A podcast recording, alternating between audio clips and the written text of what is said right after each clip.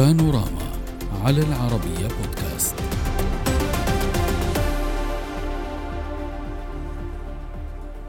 هل تخلت تل أبيب عن حيادها بشأن الحرب في أوكرانيا؟ لعل هذا هو السؤال الأبرز بعد إعلان رئيس الوزراء الإسرائيلي بنيامين نتنياهو في مقابلة مع شبكة سي إن الأمريكية بعد إعلانه أن إسرائيل تدرس إرسال مساعدات عسكرية إلى أوكرانيا. نتنياهو خلال المقابلة لم يقدم أي تعهدات جازمة لأوكرانيا خاصة أن بلاده حافظت على علاقاتها مع روسيا. لكنه مشاهدينا أكد أن الولايات المتحدة نقلت مخزونا من ذخيرة المدفعية المخصصة لإسرائيل إلى أوكرانيا. وأضاف نتنياهو أنه طلب منه أو طلب منه التوسط بشكل غير رسمي في النزاع بعد عملية روسيا في أوكرانيا لكنه لم يتابع ذلك لأنه كان حينها في صفوف المعارضة. ولفت إلى أنه مستعد للعب دور الوسيط في حال طلب منه ذلك إضافة إلى الولايات المتحدة. وعلى الفور ردت روسيا على هذه التصريحات وهددت إسرائيل برد عسكري انتقامي في حال تسليمها أسلحة إلى أوكرانيا. وقالت الناطقة باسم الخارجية الروسية ماريا زخاروفا قالت إن على كل الدول التي تسلم أسلحة يجب أن تفهم أننا سنعتبر هذه الأسلحة أهدافا مشروعة للقوات الروسية. نناقش هذا الملف مع ضيوفنا من موسكو فيتشيسلاف ماتازوف الدبلوماسي السابق أهلا بك. ومن القدس يوني بن مناحيم المحلل السياسي. أهلا بكم ضيوفي. اسمحوا لي أن أبدأ من موسكو معك سيد ماتازوف. أه تصريحات بنيامين نتنياهو بقوله بأنه يدرس ارسال أسلحة. هو قال القبه الحديدية وأسلحة أخرى كذلك لأوكرانيا. هل هذه التصريحات تكتيكية استراتيجية؟ هل هي مناورات لخدمة ملفات أم أن هناك تغييرا في الموقف الإسرائيلي؟ هذا ليست علاقات تكتيكية أو محاولة أن يلجأ من الضغوطات الأمريكية.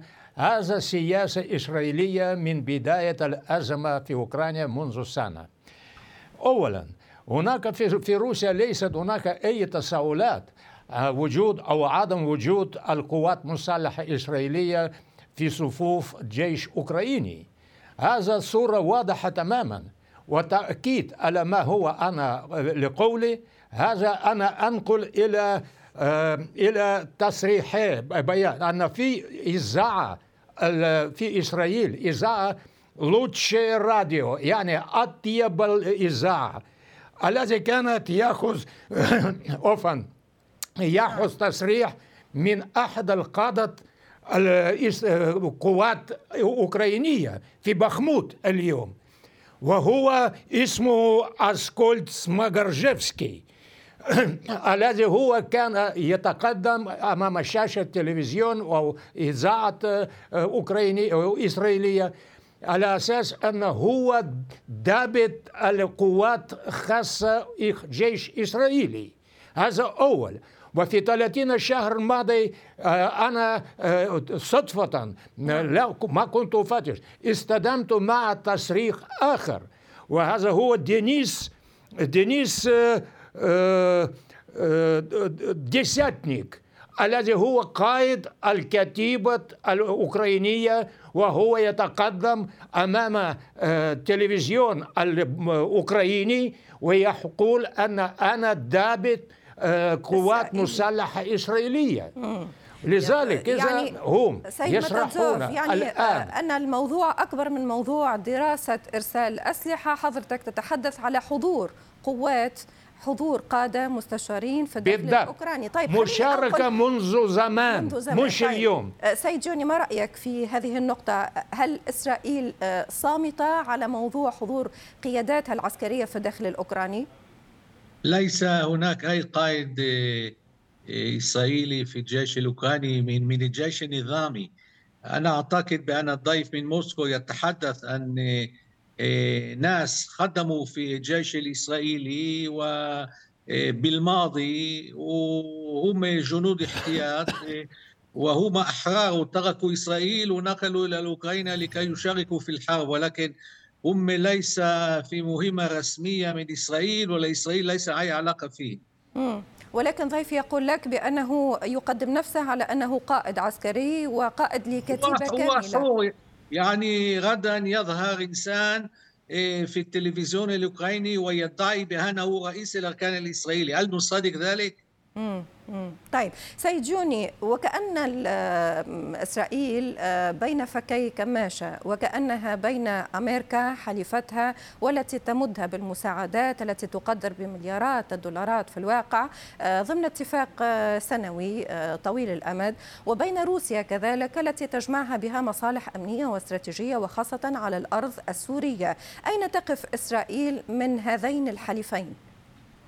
إسرائيل لن تغير سياستها وهي إيه، تحافظ على علاقات مع أوكرانيا ومع روسيا وروسيا هي صديقة لإسرائيل. والكل يعلم وهذا ليس سر بأن إيه، رئيس الوزراء بنيامين نتنياهو له علاقات خاصة وعلاقات صداقة مع الرئيس بوتين. ولذلك نتنياهو لن يعمل أي شيء قد يدور العلاقات بين إسرائيل وبين روسيا. يعني صديق يعني تقول بأن بوتين صديق لبنيامين نتنياهو وسيزود الأوكران بالأسلحة. ما تعليقك سيد متزوف؟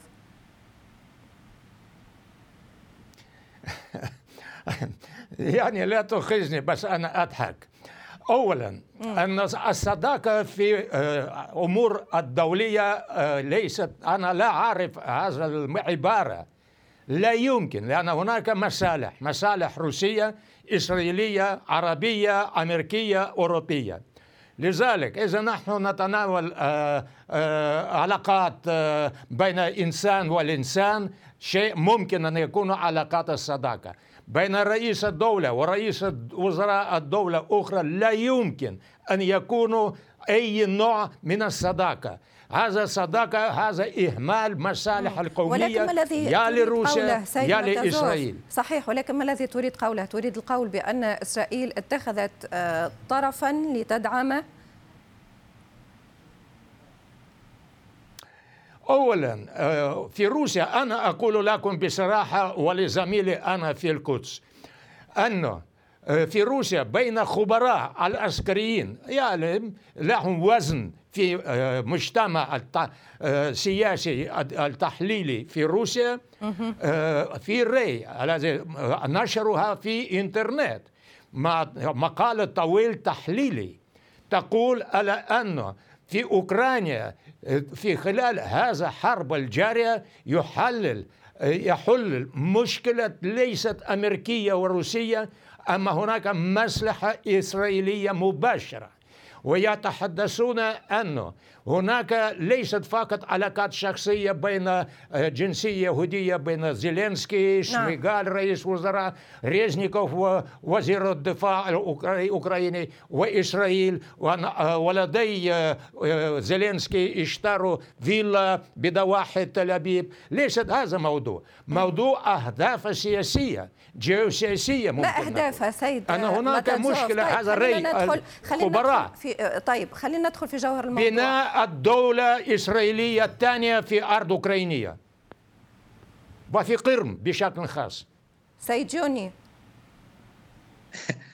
إيه، صحيح إنه الموضوع الرئيسي هو موضوع مصالح إيه، كما قال الضيف من موسكو.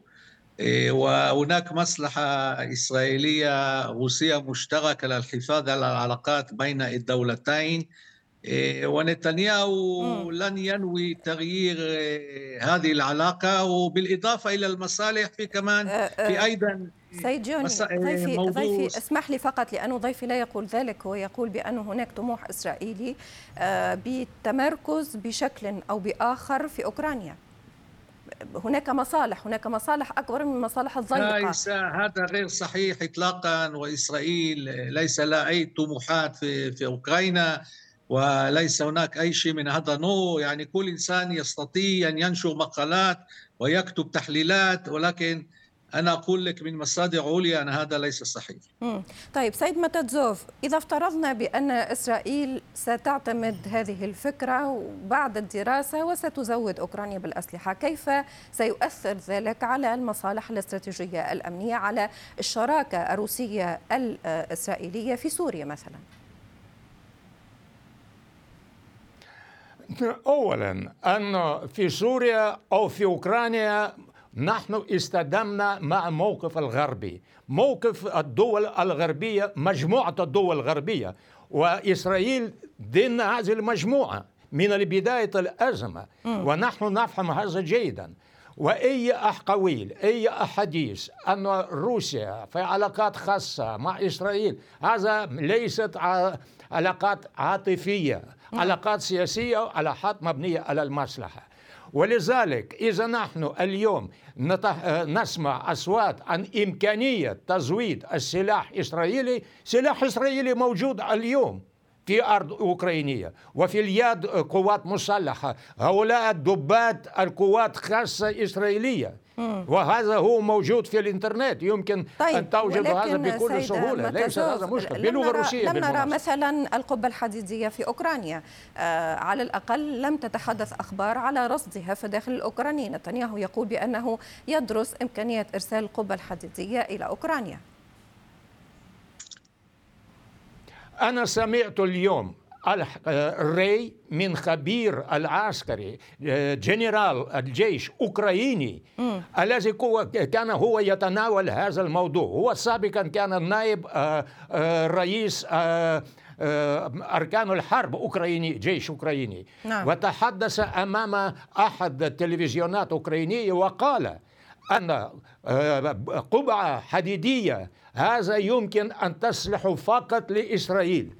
في أوكرانيا لا يمكن أن تصلحوا أي شيء لجيش أوكراني. لا يمكن أن أوكرانيا جيش أوكراني أن يستعمل أو يعتمد في الدفاع الجوي على على الأجهزة الإسرائيلية سبب واحد أن هذا مسافة الإسرائيل أقل بكثير. نعم. والمواجهة تلك القبة حديدية ضد الصواريخ فلسطينية ضد من غزة من إمكانية من لبنان من حزب الله لن تكون أو من سوريا. داخل الأوكراني بحسب خبراء إسرائيليين. طيب وضحت الفكرة. خلينا نقدم شوية هذا شيء آخر. هذا شيء آخر. وضحت الفكرة بأنه لن تكون مفيدة بحسب بعض الخبراء العسكريين كما يقرؤون. سيد جوني منذ قليل قلت لي بأنه إسرائيل تعتمد منذ زمن خطة الحياد ولكن هذه المرة جاءت تصريحات بلينكن للضغط كذلك على الجانب الإسرائيلي للضغط على نتنياهو لتمكين أوكرانيا من السلاح وبالتالي هل ستستجيب حكومة نتنياهو لهذه المطالب؟ ما أعتقدش. أنا لا أعتقد ذلك. هناك ضغط ضغط أمريكي صحيح ولكن نتنياهو هو صامت في هذا الخصوص وهو لن يعمل أي شيء يدور بالعلاقات الإسرائيلية الروسية اولا بسبب المصالح المشتركة والسبب الثاني كما قلت علاقته مع الرئيس بوتين. ولذلك هو استخدم اللغة ولكن سيد سيد جوني إن ولكن كان هو لم يفعل ذلك لماذا لو؟ سمحتي خليني أكمل تفضل الجواب. تفضل. لو سمحت شكرا لك هو استخدم اللغة الدبلوماسية بالمقابلة للسي ان ان ولكن هو لم لم يوافق ولن يؤكد بأنه سيزود أوكرانيا بالسلاح. وقال أنا أدرس هذه الإمكانية. ليس أكثر من ذلك. تفضلي. أي ولكن حتى حديثه عن إمكانية دراسة هذه المطالب يفتح الباب للتأويلات هو لم يقل بأنه نحن سنعتمد موقف الحياد كما اعتمدناه في السنوات الأخيرة. هو قال سأدرس وهذا الموضوع فتح المجال للجدل. وأنا سؤالي لما يأتي الضغط من بلينكن هل ستستجيب؟ قلت لي بأنها لن تستجيب. طيب لماذا يصرح إذن؟ هذه اللغة الدبلوماسية وهو لا يريد أن يدور العلاقات مع أوكرانيا أيضا ولذلك سيظل الموضوع مفتوح ولكن من ناحية عملية هذا لن يحصل. سيد متازوف هل تغيرت المعادلة؟ تعتقد هل حرب روسيا أوكرانيا يمكن أن تلقي بظلالها على تغيرات جيوسياسية أو اصطفافات جديدة فيما يخص مناطق أخرى بقاع أخرى تشهد اشتباكات تحدثنا عن روسيا ولكن المشاركة الإسرائيلية الروسية ممتدة ومستمرة منذ فترة طويلة. هل يمكن أن تختلف المعادلة بهذه التصريحات؟ ذكرت أمر مهم للغاية. هذا الصراع في أوكرانيا. ليس هذا الصراع الإقليمي صراع بين روسيا وأوكرانيا بين الجيش الأوكراني والقوات الروسية. أما هذا النظرة الصحيحة النظرة الجيوسياسية هذا كل الكرة الأرضية في في تحريك. لذلك كل هذه التغيرات تكتونيك. يعني كل القارات تتحرك ليست هذا منطقة واحدة.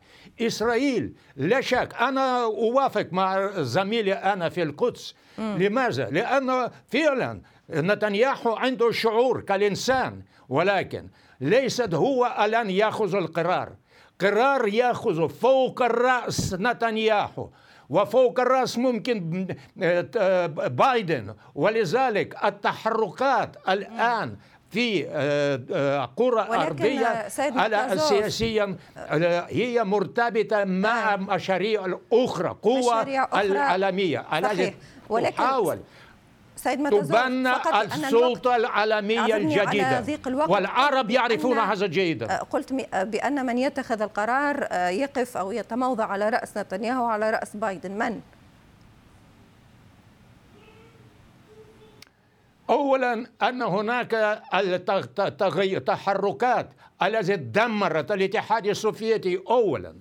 هناك محاولة تدمير وإزالة الدولة الروسية حاليا. وهناك حتى انشقاقات في داخل الدولة الأمريكية بين ترامب وبايدن وهذا قوة التي تحاول من بداية البدايات أن يبنى السلطة العالمية. نعم. سلطة كما يقولون الحكومة العمق. وهي في أمريكا في روسيا في كل دول العالم. عرب مع هذه القوة. يفهمون هذا اغتيال صدام حسين منذ عشرين سنة واغتيال معمر قذافي وحرب في اليمن وحرب في سوريا ومحاولة انقلاب في مصر إزالة حسني مبارك. بن علي وكذلك كل هذه التحركات هذا دليل على أن عالمنا نحن في تحرك. ولا شك أن روسيا تفهم هذا جيدا واستنتجت من الأوضاع السنوات العشر الأخيرة في العالم العربي واستنتاج واضح تماما. نتيجة نعم. هذا الاستنتاج أرسل بوتين قواته المسلحة لأوكرانيا لكي يمنع يستفيدوا ما حدث تلك في بقاع أخرى من العالم. نعم. لبناء أولا. نعم. إسرائيل ثانية في قرم وأوكرانيا وثانية طيب. آه أن يهددوا أمن القومي الروسي. نعم. شكرا جزيلا لك. من موسكو فيتشسلاف ماتازوف الدبلوماسي السابق ومن القدس يوني بن منحيم المحلل السياسي. شكرا لكما. السلام عليكم.